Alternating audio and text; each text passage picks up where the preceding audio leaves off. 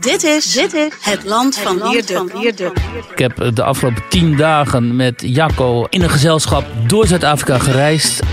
Een podcast van de Telegraaf met analyses op het nieuws die u elders niet hoort. eintlik 'n enorme verdeeldheid in Suid-Afrika en dit is dan waar ons praat oor federalisme of selfs autonomiteit vir sommige dele van Suid-Afrika. En dit is reg belangrik dat Suid-Afrika sal moet verander. Met Wierduk. Uh, ja, dames en heren, een um, extra podcast uh, wordt dit. Uh, met mij als moderator, moderator. En we hebben als gast, heel ver weg in Zuid-Afrika, ehm, mijn goede vriend Jacco Kleinhans, hoofd internationale betrekkingen van de beweging Solidariteit. Daar gaan we het zo meteen over hebben, wat solidariteit, solidariteit precies is. Jacco bevindt zich diep in het hartland van de Afrikanenbeweging in Zuid-Afrika in Oranje. Welkom Jacco. Ja, goeiedag Wirt. Heerlijk om met jullie te hier vanuit de ik denk even warmer, zonniger Zuid-Afrika. Hoeveel graden is het bij jullie? Als 98, 39 graden. Je weet, 8, 38 of 39 graden zo. Ach, heel ja. het, eh, zelfs voor Zuid-Afrika in januari. Die, die tijd van de jaar beginnen mensen echt ons nog genoeg van de zomer gehad. Nou, ja. Natuurlijk bij jullie, jullie genoeg van de winter gehad. We hebben meer dan genoeg van de winter. Ik zal even uitleggen aan mensen die dat niet weten. Het is nu, nu, natuurlijk zomer in uh, Zuid-Afrika en uh, in de streek de Karoo zoals het heet. Een geweldig uh, prachtige streek. Uh, daar waar Oranje zich bevindt, is het uh, in de zomer gewoon echt heel erg warm. Dus die 39 graden, dat lijkt voor ons heel veel. Maar voor jullie is dat min of meer gebruikelijk, geloof ik. Ik, heb, ik ben net terug uit Zuid-Afrika, moet ik zeggen. Ik heb de afgelopen tien dagen met Jacco en um, in een gezelschap. Door Zuid-Afrika gereisd. Zowel zeg maar als interesse voor vakantie, maar ook, zeker was het ook een soort van werkbezoek. We hebben ontzettend veel mensen gesproken daar. Dankzij Jaco ook, want die kent alles en iedereen. Hij is daar een bekend commentator. Hij is de hoofd internationale betrekkingen, zoals ik zei, van die beweging Solidariteit. En is permanent, bijna elke dag wel te horen op radio en televisie. En anders schrijft hij wel weer een stuk voor een of andere, een of andere media, de medium. Dus uh, Jacco is daar, zoals wij zeggen, een bekende opiniemaker. En samen zijn we gereisd vanaf Kaapstad en de Westkaap via die Caro naar Oranje. En vanuit Oranje een aantal dagen later weer naar um, uh, Johannesburg, waar vandaan wij zijn uh, teruggevlogen naar Nederland. En in die gesprekken kwam onder andere met de Afrikaners, wat natuurlijk de, voor een goed begrip de afstammelingen zijn van de boeren. En die zijn weer de afstammelingen van de Nederlanders, die zich ooit in de 17e, eeuw in Zuid-Afrika vestigden aan uh, Kaap de Goede Hoop. Jan van Riebeek was daar degene die daar een verversingspost stichtte. Er kwamen Nederlanders daar naartoe, die, dat breidde zich uit. Nederlanders, Duitsers, ook Franse hugenoten, maar voor het overgrote deel natuurlijk Nederlanders, die uh, daar bleven en die zich daar vestigden. En uiteindelijk dat schitterende Afrikaans uh, tot hun taal maakten, wat heel veel op het Nederlands lijkt. Uh, soms als, hè, moeten we een beetje een beetje, uh, is een beetje nadenken van, oh, wat wordt er nou precies gezegd? Maar goed, Jacco gaat in het Afrikaans praten en het meeste zal begrijpelijk zijn. En uit die gesprekken wilde ik zeggen, uh, daar werd ook het koninklijk bezoek aan Zuid-Afrika recent, werd daarin gerecenseerd. En uh, ik begrijp Jacco dat de Afrikaner gemeenschap daar een beetje met, um, nou ja, niet heel erg gelukkig mee is geweest. Nee, dit is heeltemal korrek so uh, weer terecht. Ja, uh, verlede jaar in Oktober, middel van Oktober 2023 het die koninklike egpaar koning Willem Alexander uh en koningin Maxima natuurlik Suid-Afrika besoek uh op 'n amptelike besoek uh en ons was selfs heel um bly oor oor die besluit om Suid-Afrika te besoek. Daar's tog so lank soos jy gesê het, 'n historiese verbintenis 360 jaar tussen Nederland en uh Suid-Afrika. Uh en ons as beweging het ook uitgereik uh na die koningshuis ook na die Nederlandse ambassade in Pretoria om te sê goed, maar die koning en koningin moet sekerlik ook met Afrikaners gesels, met die afstammelinge van Nederlanders wat reeds vir uh, meer as 3 en 'n half eeue hier in Suid-Afrika woon mm -hmm. en ook uh, met die Afrikaanse taal, die taal wat natuurlik 'n produk van Nederlands is, 'n susterstaal, maar ja, Afrikaans is tog reg gebore as taal uit Nederlands. Uh dit kan tog nie anders nie. Dink jouself in dat 'n uh, koningspaar uit Nederland Suid-Afrika besoek en dit volledig ignoreer. Is dat so gegaan? Glad nie. En dit is presies wat gebeur het. Daar was volledig nie 'n enkele nie 1 minuut uh se fokus op Afrikaners as kultuurgemeenskap of af Afrikaans as as taal nie. Dit was volledige besoek wat gereël is uh, deur die ANC regering in Suid-Afrika en dan wat uitsluitlik gefokus het op slawerny, kolonialisme uh en al die dergelike dinge van uh uh van dit waarvoor Nederlanders dan nou skuld moet betaal, die enorme skuld van die Nederlandse uh, ja, uh, uh, koningshuis teenoor teenoor mense in Suid-Afrika terwyl daar 'n pragtige Afrikaanse taalmonument is in in in naby Kaapstad, dig by Kaapstad en uh, die Voortrekker Monument in Pretoria. Schitterende monument, ook even uitleg in Pretoria staat een heel groot monument waarin die geschiedenis van die boeren trekken vanuit de Kaap het land in uh, wordt beschreven en dat is een van de indrukwekkendste gebouwen in uh, Pretoria überhaupt. Dus ik zou ook wel verwacht hebben eigenlijk dat het koninklijk paar daar naartoe zou, zou zijn gegaan, maar het is dus niet gebeurd. Nee, glad nie en, en dit het eintlik op so 'n enorme uh verleentheid, so 'n enorme teleurstelling uitgeloop met met 'n insident uiteindelik uh dig by Kaapstad uh waar 'n groep uh politieke aktiviste uh eintlik die koning en koningin uh, gekonfronteer het en byna ook uh fisiek aangeval het uh omdat hulle natuurlik vergoeding eis. Hulle eis kompensasie van die Nederlandse regering. Ehm um, en en natuurlik uh ja, wat 'n tragiek om te dink dat dat die koning en koningin van van die magtige Nederland eintlik teruggekeer het na Nederland met uiteindelik so 'n besoek van van kniel en buig voor die eise van van mense oor kolonialisme sonder dat daar enigsins oor iets goeds gepraat is. Dit wat Nederland mooi en goed na Afrika gebring het. Toe die eerste Nederlanders Jan van Riebeeck op 6 April 1652 uh in Kaapstad aangekom het uh was dit 'n leë plek. Daar het niemand in Kaapstad gewoon nie Ehm um, en egte en daar daar 'n beskawing kom vestig in Kaapstad. Daar 'n beskawing kom vestig uh die, in 'n groot deel van Suid-Afrika waar niemand gewoon het nie. Uh en Nederlanders kan reg trots wees mm -hmm. op die beskawing wat hier gevestig het en die bydrae wat Nederland gelewer het om om egter ook hierdie deel van Afrika dan ook ekonomies op te hef. Maar daar's glad nie op dit gefokus nie, egter net op skuldgevoel. Ja, en hebben jullie dat trouwens, als, als jij glad niet zegt, dat betekent dan helemaal niet, hè? Als, um, hebben jullie daarover contact gehad met de Nederlandse ambassade eigenlijk over dit bezoek? Ja, ons het geskryf aan de Nederlandse ambassade uh, en de Nederlandse ambassade wat um, uh, nie eers uh, geantwoord het uh, oh. op op enige skrywe nie. Ja, eintlik geen geen belangstelling getoon het nie, echt net indirek gesê het dat ja wel de de Suid-Afrikaanse regering is verantwoordelik vir die program. So hoe begryp jy dit dan ook nou wel? Jy weet dat die Nederlandse regering organiseer 'n program uh, vir 'n koningspaar. Dis tog immers die koning en koningin van Nederland ja. wat Suid-Afrika besoek.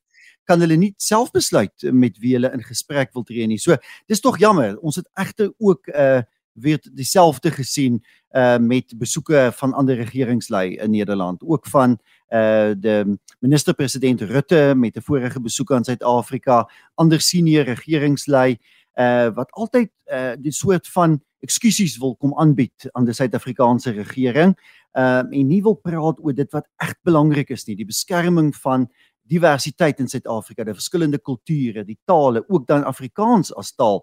Uh hulle wil nie oor dit praat nie, wil altyd sê hoe jammer hulle is vir slawerny en die geskiedenis van kolonialisme terwyl ja. daar natuurlik 'n pragtige susterstaal van Nederlands hier deur miljoene mense in Suid-Afrika gepraat word. Ja, ze bedekken hun hoofden nog net niet, niet met as om hun schuld te betuigen, helaas. Um, nu is die geschiedenis natuurlijk door dat apartheidsverleden ook uh, voor heel veel mensen in discrediet geraakt. En nog altijd, ook al is het inmiddels al 30 jaar geleden of nog meer, hè, in 1989 of begin jaren 90 werd die apartheid afgeschaft. Um, uh, nog altijd worden ook de blanke Afrikanengemeenschap in verband gebracht met uh, die apartheid. Wordt het voor een nieuwe generatie zoals jij en nog jongere mensen die ik ook heb gesproken daar enorm ingewikkeld is om op de voorgrond te treden en te zeggen: jongens, wij zijn een. Uh, wij, wij als groep hebben onze eigen geschiedenis, onze eigen cultuur en taal. Die drukt zich ook uit in in uh, literatuur bijvoorbeeld, in poëzie, maar ook in popmuziek. Hè, op allerlei verschillende manieren. En wij willen die graag uh, bewaren. En wij willen uh, juist ook graag vanuit Nederland, zouden het fijn vinden als we daar enige steun voor zouden kunnen krijgen. Omdat wij nu eenmaal afstammelingen zijn van, van Nederlandse families. Hè? En er zijn ook heel veel, nog altijd banden natuurlijk tussen, tussen Nederlanders en uh, Afrikaners. Um, daar wil ik het graag over hebben, Jacco, omdat er komen verkiezingen aan in Zuid-Afrika. Um, die worden cruciaal omdat het ANC, dus het ANC, um, wat er in de afgelopen decennia een enorme puinhoop van heeft gemaakt in jullie land. Uh, het is een buitengewoon corrupte regering. En uh, um, ook erg anti-blank, moet ik zeggen, valt mij op. En maar ze hebben zo'n groot electoraat en ze kunnen dat massaal mobiliseren dat het bijna onmogelijk lijkt om die meerderheid van ANC um, ehm, te verdrijven. En nu hadden wij erg interessante gesprekken, moet ik zeggen, in de Kaap, in de Westkaap, in Kaapstad, met vertegenwoordigers van uh, de Democratic Alliance, dat is de DA, dus de oppositiepartij, fatsoenlijke partij die midden in die democratie staat, waar niet alleen zwarte, maar ook blanke deel van uitmaken. En uh, bijvoorbeeld de burgemeester van Kaapstad is een blanke man, die hebben wij ook gesproken bij de koffie, die op mij een heel indrukwekkende, als overkwam als een hele indrukwekkende leider, echt een jonge, jonge leider, maar ook een oudere dame waar we het over gaan hebben, die met ons kwam eten. Ook uit die partij, ook blank, maar een liberal en voormalig ook anti-apartheids toch wel uh, activisten. Die tot de conclusie zijn gekomen, zo vat ik hem maar samen.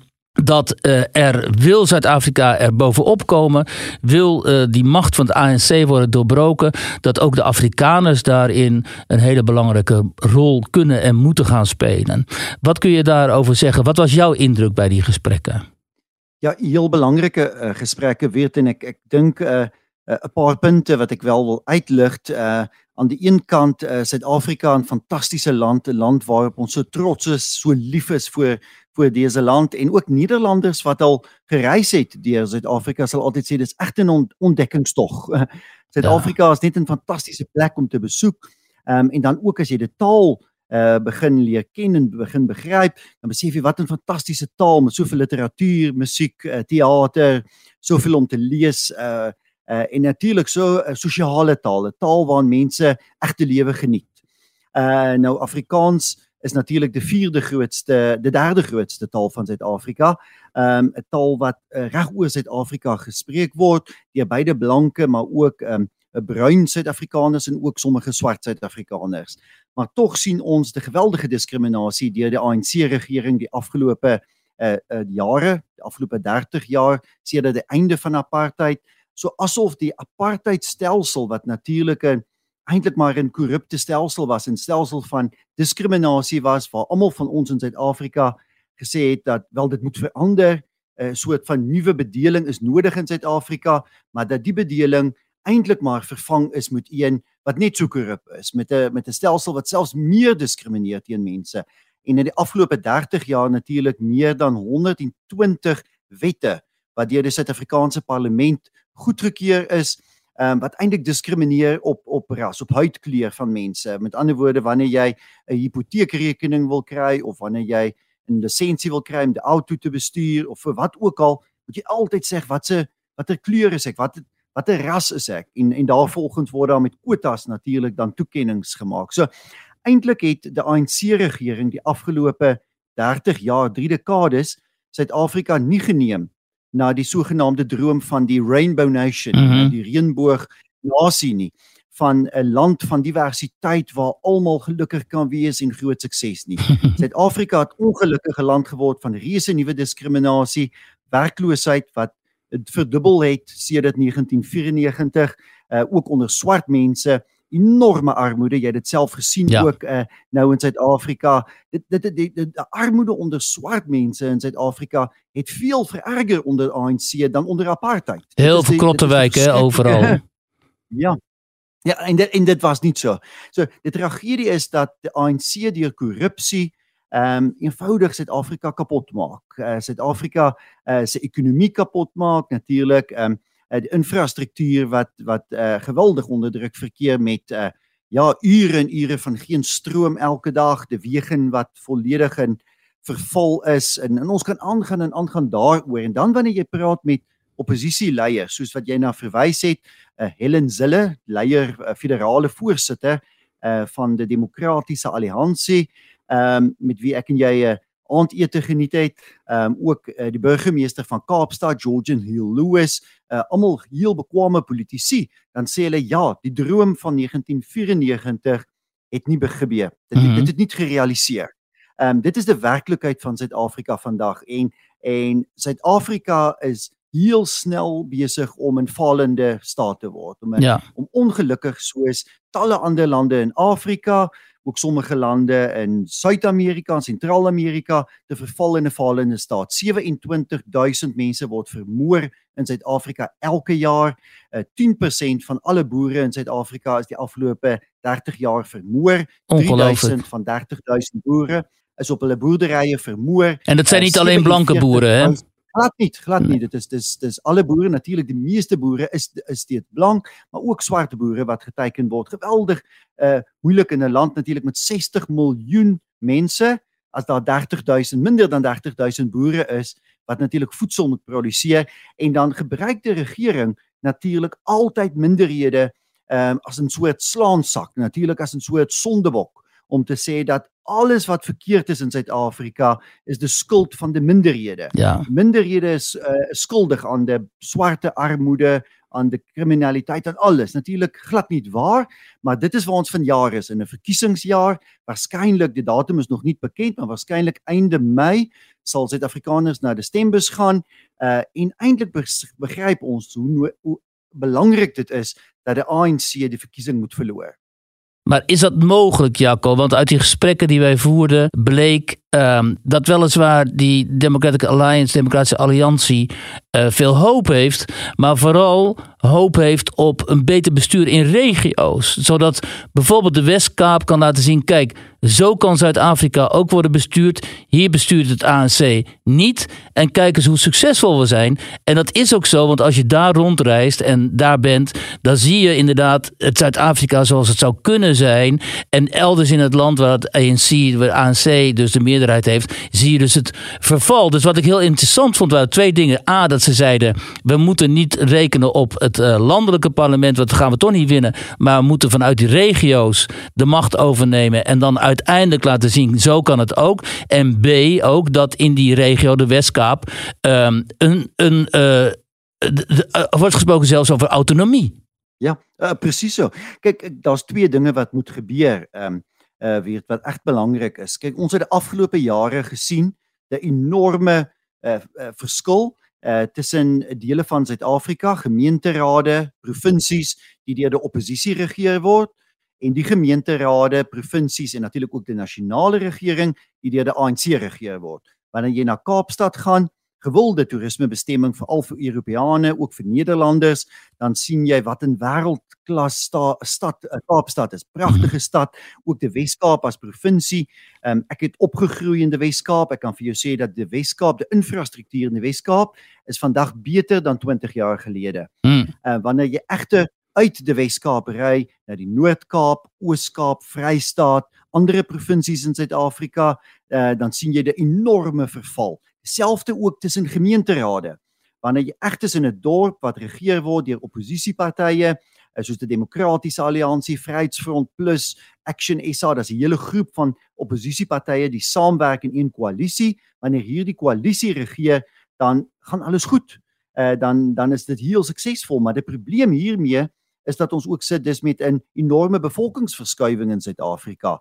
Dat uh, miljoene mense wil graag in Kaapstad woon omdat Kaapstad suksesvol is. Mm. En en dit is ook nie volhoubaar nie. Jy kan egter nie dat dat soveel mense trek na Kaapstad soos wat die afgelope jare gebeur het. Die Kaapstad se bevolking het in 20 jaar verdubbel mm. en dis echt nie volhoubaar nie. So wat nodig is is wel dat uh, gemeenterade beheer moet word stelselmatig van onder af deur die oppositie ook sommige provinsies uh, die Wes-Kaap word reeds deur die oppositie deur die Democratic Alliance regeer hopelik na vanjaar se verkiesing ook Gauteng KwaZulu-Natal miskien nog een of twee ander Gauteng is gebied rond Johannesburg Pretoria hè Ja, en dit is die ekonomiese hartland van Suid-Afrika. Ja. Kleine provinsie, die kleinste provinsie in Suid-Afrika, wel met die grootste bevolking. Byna Ja. 20 miljoen mense woon in 'n klein klein provinsie, kleiner dan Nederland.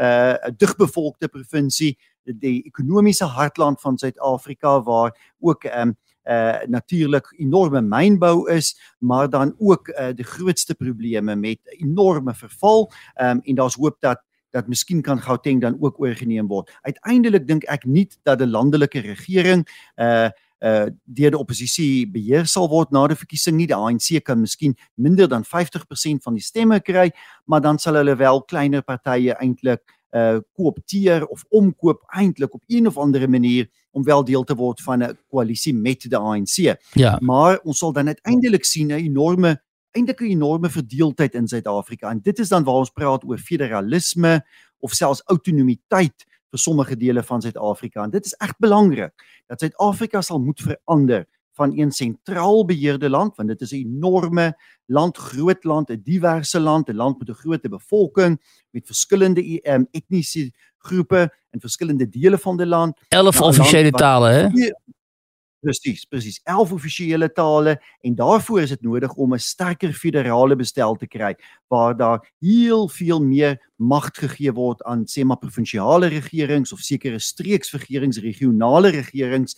En dit is eintlik waarvoor ons ons ook beywer om te sê die hele bedeling in Suid-Afrika, hoe ons dink oor Suid-Afrika, dit moet verander. Ons moet 'n uh, 'n ander Suid-Afrika hê in die toekoms, nie een wat deur een enkele regering in die hoofstad Pretoria Ja. regeer word. Jacco, het is heel interessant, want dit, dit, eh, dit is direct ook de link natuurlijk naar de Afrikanengemeenschap. Ik ga mensen een beetje meenemen in hoe dat er dan uitziet. Kijk, eh, jullie hebben besloten, wij moeten ons als eh, blanke, nou niet eens per se blanke, maar als Afrikaner cultuurgemeenschap organiseren om te overleven. Dat gaan we niet doen in een gebied waar een meerderheid eh, eh, ANC is, of waar een meerderheid min of meer vijandig tegenover ons staat. Dat kunnen we gaan doen in een in een dun bevolkte streek zoals daar is de Karoo. Zo heet die streek. En daar heeft, is ooit in de jaren negentig dat plaatsje Oranje opgericht. Bedoeld als een soort thuisland voor, eh, voor de boeren, voor de Afrikaners.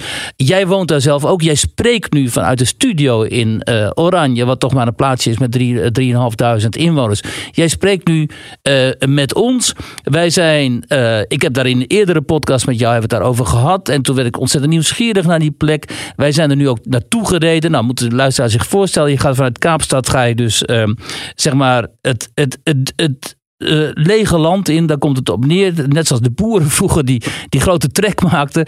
Trek je dan nu met de auto door die schitterende Karoo. Wat een, enorm indrukwekkend landschap is. Waar het leeg is, waar het onherbergzaam is. Waar boeren proberen om eh, te overleven eigenlijk in die hitte. En, en, in de winter in die kou. Waar allemaal beesten zitten. Waar nog schitterende dorpjes eh, zijn. Die voor een heel groot deel ook vervallen zijn. Maar waar dan lokaal mensen proberen om die huizen weer. met die schitterende ehm, Kaapse architectuur ook, die ook direct vaak terugslaat op de Nederlandse architectuur uit de 17e eeuw. Om die te herstellen, maar waar je ook heel veel armoede en alcoholisme ziet onder de zwarte en de bruine bevolking.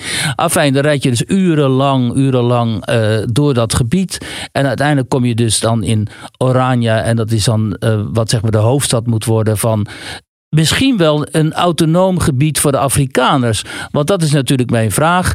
Eh, preluderen jullie al op een situatie waarin Zuid-Afrika inderdaad een federatie is geworden en waarin voor de Afrikaners dan een plek daar in die Karoo uh, is uh, aangewezen?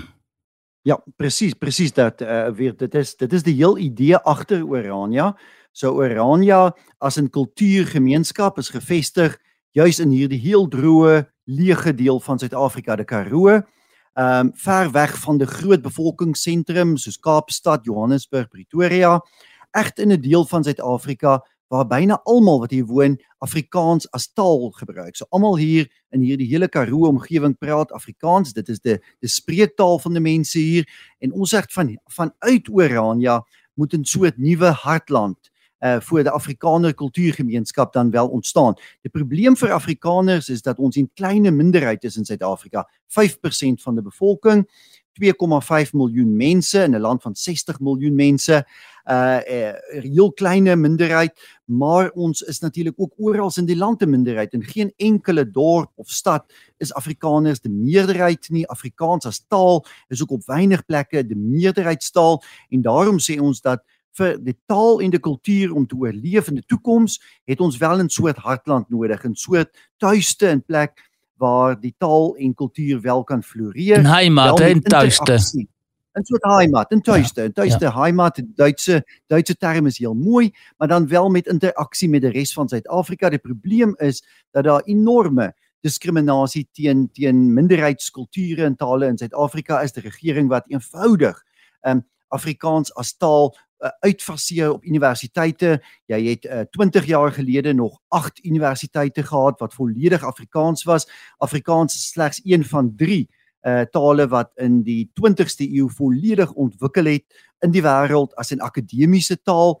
Uh jy kon enigiets studeer by 'n universiteit uh tot 20 jaar gelede in Afrikaans. Vandag is daar slegs een Afrikaanse universiteit oor in Suid-Afrika. So Afrikaans wat hier onder veel druk verkeer vanaf die regering en vir daardie rede het ons dan 'n soort heimat nodig waar ons nou ook besig is om 'n universiteit te bou waarheen verskeie monumente verskuif word, uh ook groot biblioteke verskuif word met boeke en uh teaters en so met die hele idee dat in die toekoms daar wel 'n soort van tuiste vir die taal en kultuur sal wees. Hoe groot moet die stad word? Ja, dis 'n goeie vraag natuurlik want kyk, uh, Afrikaners is 2,5 miljoen mense. Afrikaners woon reg oor Suid-Afrika, maar ook die hele wêreld. Uh uh byna 500 000 Afrikaners het die afgelope 20 jaar uh, Suid-Afrika verlaat, uh veral na lande soos Australië, Nieu-Seeland, Kanada, uh Amerika, ook Nederland, Europese lande en Ja, in Nederland woon daar 35000 Afrikaners van wie ons weet, uh, van wie ons heel goed bewus is. Uh Duitsland ook afgelope tyd in bestemming. Uh so dis belangrik dat alle Afrikaners van regoor Suid-Afrika maar ook heel die wêreld. Dis moet sê dat wel hier is 'n plek waarin ek my kinders kan stuur om te studeer by 'n universiteit of waar ek tog dink my taal en kultuur beskerm sal word. Om daarin te slaag is 'n dorp van 3500 mense nie genoeg. Dis nie groot genoeg. Dit sal heel wat moet groei waarskynlik sal jy moet kry dat uiteindelik in hierdie hele gebied, hierdie hele streek, uh uh daar 'n soort van bevolking van 100 000, miskien 150 000 mense mm -hmm. kom vestig of dan nou in verskillende dorpe of met een groter stad en kleiner dorpe. Presies hoe dit nog in die toekoms sal lyk is onseker, maar hier is 'n enorme groot gebied uh, wat heel leeg is met weinig mense wat hier woon uh, en die gedagte is uiteindelik moet ekonomiese aktiwiteit dit moontlik maak dan dat 100 tot 150 000 mense oor die volgende jare hier kan vestig. Ja, en nu is er kritiek natuurlijk hè, op dat project, omdat mensen zeggen: ja, maar het is een racistisch project. Want er wonen alleen maar Afrikaners en die zijn blank. En je moet ook nog eens een soort van toelatingsexamen afleggen. De, hè, dat je toegewijd bent aan de Afrikanerzaak. Wat zeggen jullie tegen die critici? Ja, dat is interessant. Mensen wat gewoonlijk hierdie soort van kritiek uiten, uh, het geen begrip vir Suid-Afrika nie. Want reg oor Suid-Afrika kry jy duisende kleine dorpe of gemeenskappe wat eksklusief Zulu is, waar slegs Zulu mense woon en mag woon, KwaZulu-Natal. Uh die grootste dele van KwaZulu, die provinsie KwaZulu-Natal mag slegs in sommige dorpe Zulu mense woon en die Oh, dan mag jy nie woon nie. Eg Osa. Nee, glad nie want dit want dit word deel, dit word regeer deur 'n tradisionele leier. Tradisionele leier bepaal wie mag daar woon en en ja, indien jy nie 'n Zulu is nie, mag jy nie daar woon nie. Jy mag natuurlik die kultuur opneem, jy mag die taal leer, mag die kultuur opneem en dan mag jy wel daar woon. Dieselfde vir Orania. Orania uh, is 'n dorp, 'n gemeenskap wat die Afrikaanse taal en die Afrikaner geskiedenis en kultuur wil beskerm en indien iemand wil deel word daarvan, dan mag hulle. Hier woon Duitsers in Orania uh, wat Afrikaans geleer het as taal uh, en wat ook uh, hulle self um, heel goed vergewis het van die geskiedenis van die Afrikaner en sê wel ons wil graag Afrikaners wees, so ons woon in Orania. Dis heeltemal moontlik. Daar's dis nie diskriminasie nie. Uh niemand kyk na die kleur van jou huid nie. Niemand vra uh waar kom jy vandaan nie, maar wel jy moet aanvaar dat indien jy in Orania wil woon, dan moet jy wel instem tot die vereistes van beskerming van die Afrikaanse taal en kultuur. En dit word soos ek sê gedoen reeds in soveel ander gemeenskappe in Suid-Afrika wel vir ander etnisiteite, vir Zulus of Xhosas of Venda of een van die ander groepe. Soos jy gesê het, daar's 11 tale in Suid-Afrika, ook meer dan 11 kultuurgemeenskappe. En de centrale regering, begrijp ik, is ook niet per se tegen het bestaan van Oranje. Want uh, onder andere een minister heeft het bestaan ervan verdedigd en gezegd het is grondwettelijk. En ook, heb jij mij verteld, de gouverneur van de regio waar Oranje zich bevindt en die zelf een bruine vrouw is, heeft het ook voor jullie opgenomen toen die groep van Malewa die zo graag boeren wil doden, uh, dreigde om op te trekken naar uh, Oranje. Ja, de, de, presies so. Dit is dis heeltemal korrek. Oranje het heel goeie verhoudinge met uh, die regering van Suid-Afrika, ook met die provinsie, die goewerneur van die provinsie van die Noord-Kaap waarvan Oranje deel is, uh ook die ANC regering in Suid-Afrika. Ons verskil heel sterk met wat die ANC doen, maar ons handhaaf wel goeie verhoudinge. Die vorige president, Jacob Zuma, het Suid-Afrika besoek. Uh twee maande Oranje besoek bedoel jy? Het, het, het Oranje besoek. Ja, Oranje besoek ja. en twee maande gelede het die minister van Justisie, uh Ronald Lamola uh, in Genève by die Verenigde Nasies ook gesê dat Oranje uh, het 'n grondwetlike reg. Die Suid-Afrikaanse grondwet, die Suid-Afrikaanse konstitusie bepaal dat 'n uh, uh, etniese gemeenskappe, geloofsgemeenskappe, religieuse gemeenskappe, taalgemeenskappe 'n reg op selfbeskikking het. So dit word in die Suid-Afrikaanse grondwet so beskryf. En dit is presies wat Oranje dan ook is, wat Oranje doen en daarom is daar heel veel interaksie tussen Oranje en ander gemeenskappe in Suid-Afrika, Khoza gemeenskappe, Zulu gemeenskappe, maar dan ook met die regering. Uh Oranje is geen eiland nie. Oranje moet interaksie hê met die res van Suid-Afrika en dit word eintlik op 'n daaglikse basis wel gedoen. Ik begrijp dat die andere gemeenschappen, dat hun leiders ook bij jullie komen informeren over hoe jullie dat nou doen, hoe jullie zo succesvol kunnen zijn en of zij niet iets van jullie kunnen leren. Presies, dit word uh, heel vaak gedaan en ons doen dit graag.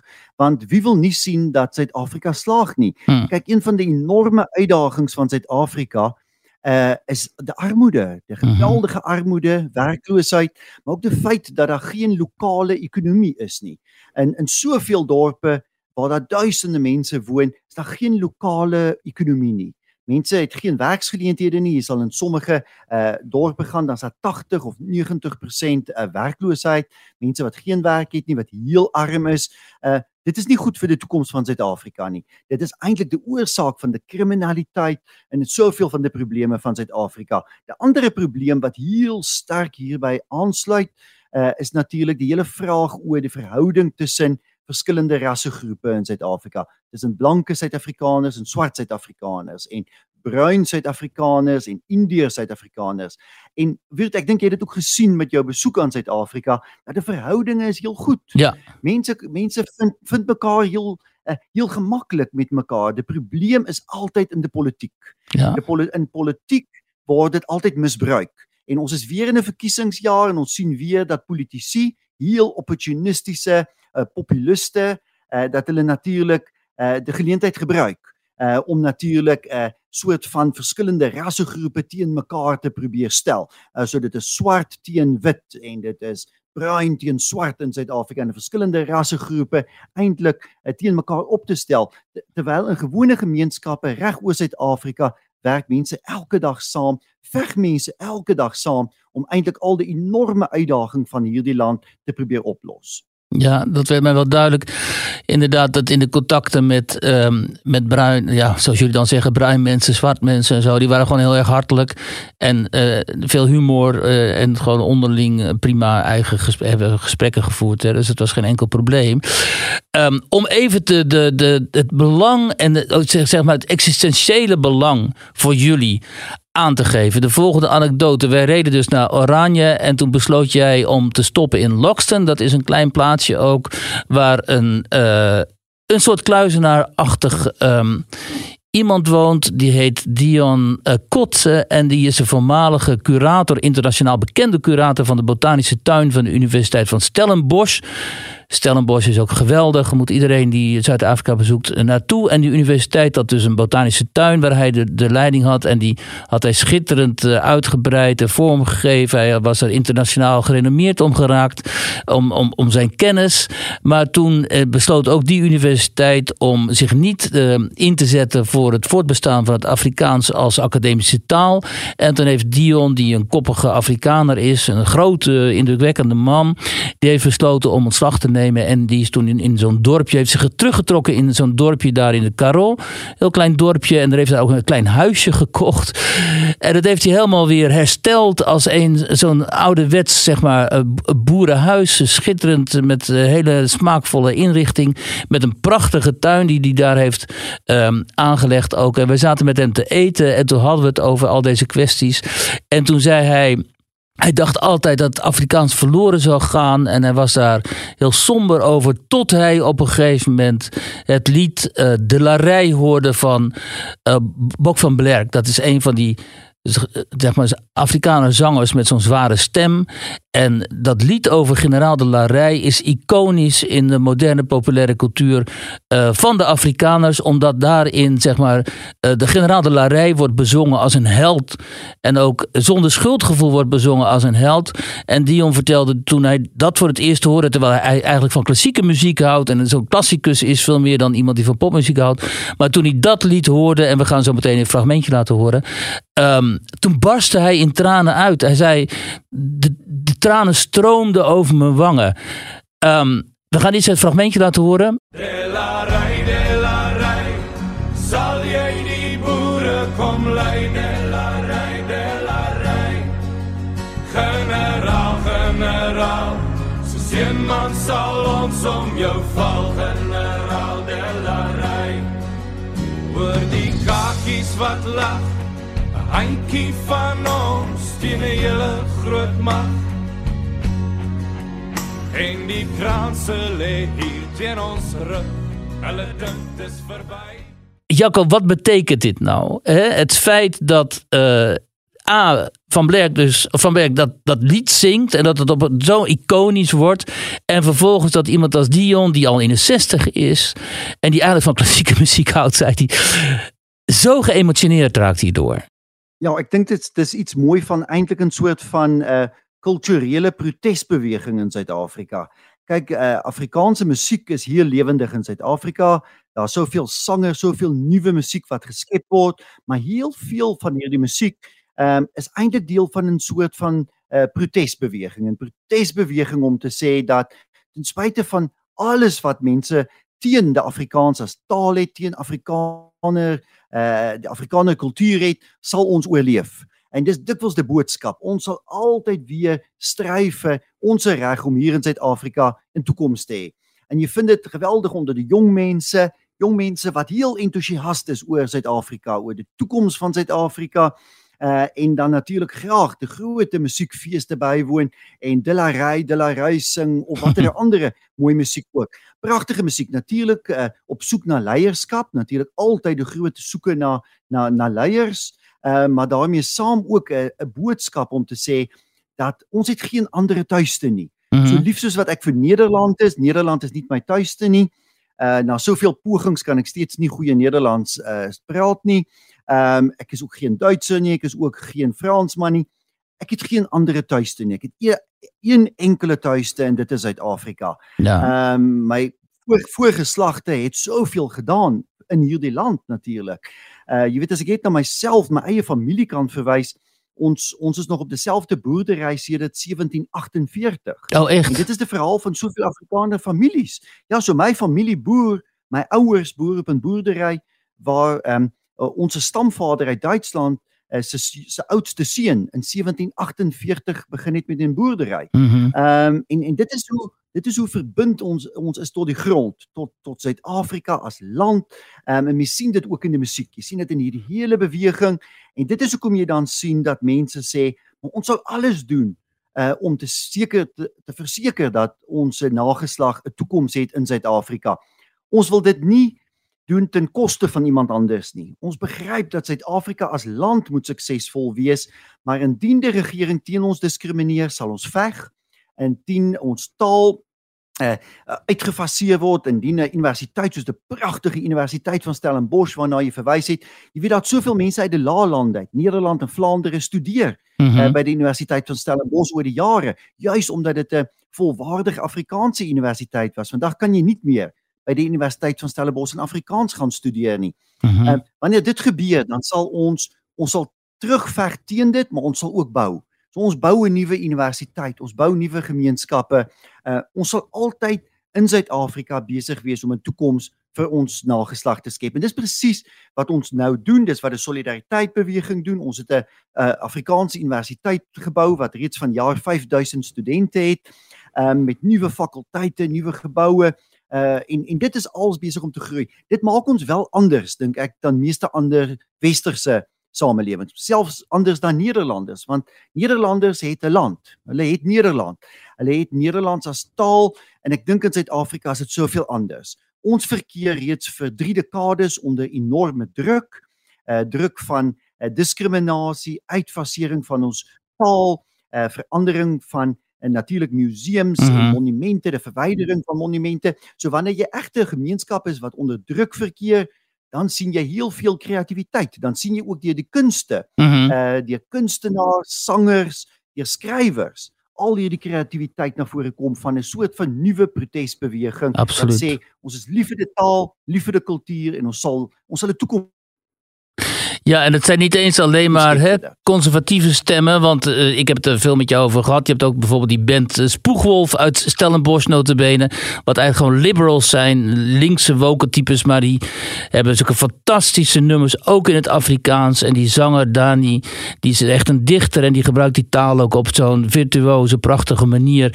Terwijl die toch op een hele andere manier in het leven staan. Verbinden ze toch al die groepen vanwege die taal. Hè? Ja, heeltemal reg so. Weet ek dink eintlik ook een van die uitdagings vir die Afrikaner is dat weens die, ges die geskiedenis, weens apartheid word altyd gedink uh in ander lande.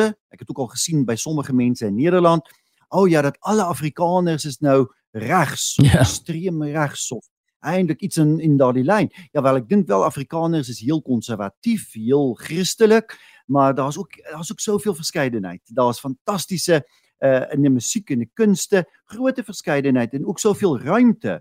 Ehm um, dan nou vir sê maar meer liberale stemme, sangers wat ook heel anders dink oor die mhm. toekoms. Daar's soveel gesprek en soveel debat in die Afrikaanse media uh en in die kunste dat ek dink dit dit dit sou wel verkeerd wees om te dink dat ja, uh, alle Afrikaners is reg dieselfde. Jy het dit self ook gesien, die verskil tussen Afrikaners in Kaapstad mm -hmm. en die mhm. suide van Suid-Afrika en Afrikaners in die noorde van Suid-Afrika. Ja. Maar ook in die taal, die verskillende dialekte van die taal wat soveel verskil in sommige dele en jy miskien bietjie makliker begryp mm -hmm. dan in ander dele van die land. Ja. Dit is 'n ongelooflike diversiteit van die taal, maar ook van die Afrikaner kultuur. So dit dit sou dwaas wees, eintlik naïef wees om te dink ja, Afrikaners is eintlik maar net daardie klein uh volkie jy weet wat vir apartheid verantwoordelik was. Altyd als eintlik maar deur die kanaal van apartheid ja. probeer interpreteer. Ja, zeker. Dat hebben we zeker ervaren en zeker ook begrepen.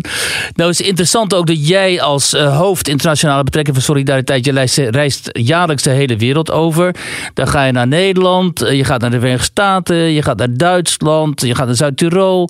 Overal knoop je betrekkingen aan. Je kent ontzettend veel mensen in de, uh, in de politiek wereldwijd. Je hebt goede betrekkingen met Amerikaanse senatoren, mensen uit het congres, met Nederlandse politici. Dat heb je in de jaren een enorm netwerk opgebouwd. En in februari kom je weer met een groep, nee, niet, dit keer niet met een groep, maar kom je weer naar Nederland. Um, vorig jaar was je hier ook met een groep jongeren. En toen hebben we elkaar ook nog gesproken. Ik heb die jongeren gesproken, wat ontzettend leuk en interessant is allemaal. Maar wat tref je nou aan? Hè? Wat mij dus opvalt, uh, na tien dagen zelfs Zuid-Afrika. En een beetje heb ik me dan onthecht van het debat in Nederland. En dan keer je terug. En dan is het hier zo verschrikkelijk gepolariseerd. En het is zo heftig allemaal. En mensen zitten zo op de vierkante millimeter zijn ze met elkaar in conflict en dit mag niet en dat mag niet. En er heerst een grote onvrijheid en een grote onvrede in Nederland. Terwijl als ik daar bij jullie in die Caro, dan in Oranje rondloop, dan is er alleen maar een gevoel van enorme vrijheid en mogelijkheden en ruimte en helemaal geen sprake van onvrede juist. Het is alsof een hele, het heelal zich opent zeg maar aan mogelijkheden. En in Nederland zit je weer, ben je weer zo terug op dat hele kleine, in het hele kleine, die, die kleine moerasdelta waar iedereen iedereen tegen elkaar loopt te schreeuwen, zo, zo lijkt het wel. Hoe ervaar jij dat als jij hier bent? Ja, nou, ek, ek dis presies hoe ek dit ervaar weer. Ek sal dit moeilik beter kan sê wat jy gesê het want uh, ek is ook hier lief vir Nederland, fantastiese land Nederland. Jy weet, dis ook my geskiedenis. Uh -huh. Dis ook die land van my voorvaders en en herkoms, jy weet, maar in Suid-Afrika ten spyte van al die enorme probleme in Suid-Afrika, al die uitdagings in Suid-Afrika, ervaar ek dat mense veel meer vryheid het. Uh ons het veel vryheid in Suid-Afrika. Suid-Afrika is 'n gesellige land. Mense geniet van die lewe in Suid-Afrika en ek dink veel meer dan in Nederland. Dit dit dit val my op uh, die afgelope 20 jaar. Ek het 20 jaar gelede die eerste keer Nederland besoek en in Nederland het heel veel verander in twee dekades. Oor 20 jaar het Nederland verander uh van 'n land uh wat wat tog meer gedink het oor die toekoms na 'n land waar mense reg elkeen nou vir homself leef, waar mense heel gepolariseerd is, waar daar soveel haat is teen mense wat anders dink dan jy. Uh en waar mense eintlik vir jou sê dat hulle dink daar nie eintlik regte toekoms is vir Nederland nie. Uh net in die afgelope 2, 3 jaar, veral sedert corona, het ek gesien hoe meer en meer Nederlanders vir my sê, "Ag wel, daar's eintlik geen toekoms in mhm. Nederland nie, jy weet." Dit terwyl Nederland steeds 'n welvarende land is, 'n uh, 'n uh, land met 'n geweldige talent, mense wat enorme dinge vermag het oor die oor oor die geskiedenis. Ek vind dit tragies. Ek vind dit 'n enorme tragedie dat dat Nederland so snel verander het na 'n land wat wat echt nie meer droom oor die toekoms nie, nie meer hoop het vir die toekoms nie. Mhm. Ehm mm um, uh waar die stryd tussen mense so enorm geraak het uh, dat ons nie meer saam droom nie. In Suid-Afrika is dit anders. Ek dink ons ons ek dink wel ons geniet van die lewe uh ten spyte van alles wat verkeerd gaan en ons het enorme drome oor die toekoms. Jy kan met enige jong Afrikaner praat. Hy mhm. droom oor die toekoms. Hy ja. hoop vir die toekoms, né? Nou ja, en ze voelen zich heel duidelijk deel van een gemeenschap, hè? Ook al zijn ze de een wat conservatiever en de ander wat liberaler, maar het is heel duidelijk dat die onderlinge gemeenschapszin heel sterk is en dat uh, vind je in Nederland uh, natuurlijk in veel geringere mate terug. Presies so en ek ek ek het beleef in 20 jaar hoe dit uitgekring het. Ja. Van eide stede na die gebiede om die stede in Nederland en selfs al nou na dele van die platteland. Uh 20, 30 jaar gelede het jy nog veel meer van 'n sin vir gemeenskap in groot dele van Nederland gehad. Vandag moet jy reg na die kleinste dorpies op die Nederlandse platteland gaan om steeds enige sin van gemeenskap te vind in die stede bestaan dit nie meer. Ek is verstom uh, wanneer jy in Amsterdam is, maar maar uh, maar selfs ook in 'n stad soos Rotterdam byvoorbeeld dat jy reg Engels moet praat. Mm -hmm. Ek het mhm. dit verlede jaar in Maastricht, Maastricht van alle stede beleef dat dat iemand by 'n restaurant wat by 'n werk by 'n restaurant geen Nederlands kan kan spreek nie, mm -hmm. net Engels. Uh, uh daar's eintlik geen sin vir gemeenskap meer in groot dele van Nederland nie. Ehm um, en dit is dan ook die mense wat natuurlik heel neersien op die plattelanders. Uh, dan op hierdie soort van wat hulle beskou as die agterlike mense van die Nederlandse ja, platteland. Ja. Die soort van domme tradisionele boere, né? Ja. Ehm um, ek sien dit regtig as as 'n as 'n krisis, 'n krisis ook van die westerse wêreld. Jy sien dieselfde in Amerika, maar ek ervaar dit selfs in Duitsland waar mense wat in Berlyn woon eh, weinig in gemeen het met mense wat op die platteland van Beiere woon of mm -hmm. selfs ergens in Oos-Duitsland of so. Ehm um, dis tog jammer. Dis tog jammer die enorme verlies aan identiteit, kultuur en en dit wat mense bind in Nederland. Dis asof die regering in Nederland die afgelope 10, 15 jaar uh, eintlik geveg het teen die behoud van van gemeenskap, identiteit en dit wat mense bind. En my vrees is uiteindelik uh, wat sal van Nederland word wanneer jy verby dit beweeg, wanneer jy verby jou eie identiteit beweeg, kan die goeie behoue bly. Dit wat dit wat Nederland in geslaagd het. Ek het ook vir jou gesê ek ek dit wat ek beskou dit as so 'n fantastiese land want dit is eintlik 'n afskuwelike stukkie ehm um, delta nê hier waar al die Europese riviere dan nou uitmond in die in die Noordsee nê. Ja. En dat Nederlanders oor eeue hierdie fantastiese mooi land gebou het wat ekonomies suksesvol is met al die pragtige mooi dorpe en en stede, 'n uh, pragtige argitektuur, mooi kultuur, al die sukses van Nederlanders die kuns, al die enorme ja. kunstenaars. Watter land het soveel kunstenaars opgelewer soos Nederland? Mm -hmm. Jy weet, ek kan vir 8 ure deur die Rijksmuseum gaan stap. Maar goed, dan sien ek ook in die Rijksmuseum hoe Nederlanders ekskusies aanbied vir hulle eie geskiedenis die hele tyd. Nou, o, oh, tog die uh, daar word altyd ergens ietsie ietsie bygevoeg by Oh vrees de VOC. ja, die ja. VOC geskiedenis verskriklik altyd um, altyd tog eintlik so 'n bietjie jammer is oor oor jou eie geskiedenis, jy weet.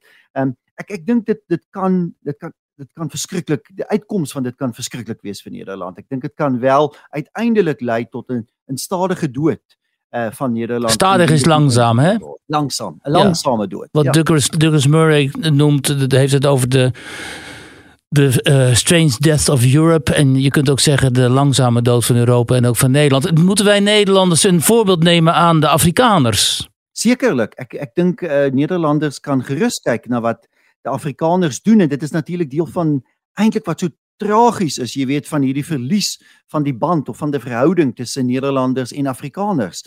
Um, maar ek dink tog daar is uh, heel veel jonge Nederlanders wat begin lees oor die Afrikaner wat die Afrikaanse taal leer elke jaar wanneer ek reis en ek besoek Nederland 2 tot 3 keer elke jaar dan vind ek jong mense, mense in hulle 20s, Nederlanders wat nog nooit in Suid-Afrika was nie, maar wat deur YouTube geleer Afrikaans praat het, hmm. wat net Afrikaanse musiek luister, mm -hmm. wat begin om geskiedenis te lees oor die Afrikaner. Ek vind dit fantasties. Ek dink daar moet 'n herontdekking wees in die verhouding tussen Nederlanders en Afrikaners en ek dink Nederlanders sal reg oor die, die toekoms moet dink van hoe gaan ons dit wat vir ons mooi is, dit wat die Nederlandse kultuur en identiteit is, hoe gaan ons dit behou? Ek sien nie meer dat dit in die Nederlandse stede behou gaan word nie. Ek dink die, die stede is eintlik verlore. Mm -hmm. Soos wat ek ook vir my Vlaamse vriende sê dat ja wel Berlyn is verlore, ag um, Brussel. Brussel sal nooit weer eh, 'n uh, Vlaamse stad wees nie. Um, 'n Mens moet partykeer ook die verlies verreken maar jy moet sê dan wel waar hou ek dan die taal en kultuur en identiteit lewendig hoe behou ek dit en ek dink uiteindelik hoop ek vir die toekoms vir 'n 'n soort van internasionale 'n um, 'n vriendskap tussen verskillende groepe van reg oor die wêreld wat saamwerk om elk in hulle eie land hulle taal, kultuur en identiteit behoue te bly. Nederlanders, Vlamingen, Amerikaners, Duitsers, Afrikaners, wie anders ook al wil saamwerk om uiteindelik dit te verseker. Ek dink dit kan dit kan wel heel mooi wees. Daar's soveel redes waarom Nederland 'n goeie moet behou, né? Soveel redes. Nederland is 'n fantastiese land, 'n verlies aan aan dit wat goed en mooi is in julle land. Ja, dit sal eintlik tragies wees as dit wel volledig moet uitsterf. Nou, dit klinkt allemaal heel inspirerend, Jacco. Een soort beschavingsoffensief vanuit Oranje dat zich uitbreidt over de rest van de westerse, westerse wereld. En waarin mensen zich weer kunnen beroepen op hun oude cultuur eh, en uh, tradities. En, um, hè, en die met zorg behandelen en ook met voorzichtigheid en ook met uh, trots op wat de westerse beschaving toch heeft voortgebracht allemaal en waarop nu zoveel kritiek is en waarop nu zo vaak wordt neergekeken. Dit lijkt mij een hele mooie afsluiting van deze podcast. We hadden het eigenlijk nog over Amerika willen hebben, maar dat gaan we een andere keer doen als die verkiezingen daar zijn. Want je bent eigenlijk ook een hele belangrijke Amerika-kenner in Zuid-Afrika en rond de verkiezingen in Amerika, dan praat ik graag met jou verder door over uh, de Verenigde Staten. Want dan horen we ook eens een keer een andere mening dan de meningen die we hier in Nederland horen, bijvoorbeeld over Donald Trump. Maar voor nu uh, bedank ik jou enorm voor dit fantastische gesprek, Jacco. Het was heel interessant en ik hoop voor de luisteraars ook heel inspirerend om eens een keer dit perspectief te horen. En wat toch ook hoopgevend is, denk ik, voor heel veel um, Nederlanders, ondanks de, de zorgen die je uit over de ontwikkelingen hier. Dus ik bedank jou van harte. Um, we gaan denk ik afsluiten met nog wat uh, Afrikaanse muziek, maar dat gaan we hier met de productie be be bepalen. Ik uh, doe de groeten naar Oranje in de hitte en vooral de groeten naar jou. En we spreken elkaar snel weer, want in februari kom je alweer naar Nederland. Ja, dankie Weert en en dankie vir vir almal in Nederland wat wat echt belangstel in in Suid-Afrika en in die Afrikaner en die Afrikaanse taal. Ehm ja, ek wil eintlik vir mense sê lees meer. Luister na Afrikaanse radio op die internet, luister Afrikaans musiek. Uh dis 'n fantastiese ontdekking wanneer jy reg hierdie taal en kultuur ontdek. En dankie ook weer vir jou vriendskap teenoor die Afrikaner. Dankjewel. Tot de volgende keer Jacco. Dank je. Dankie.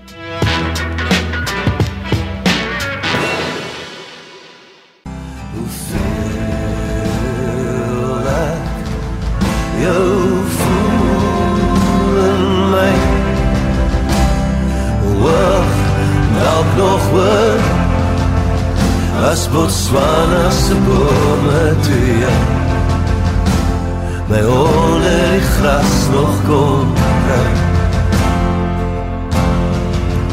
sit jou bed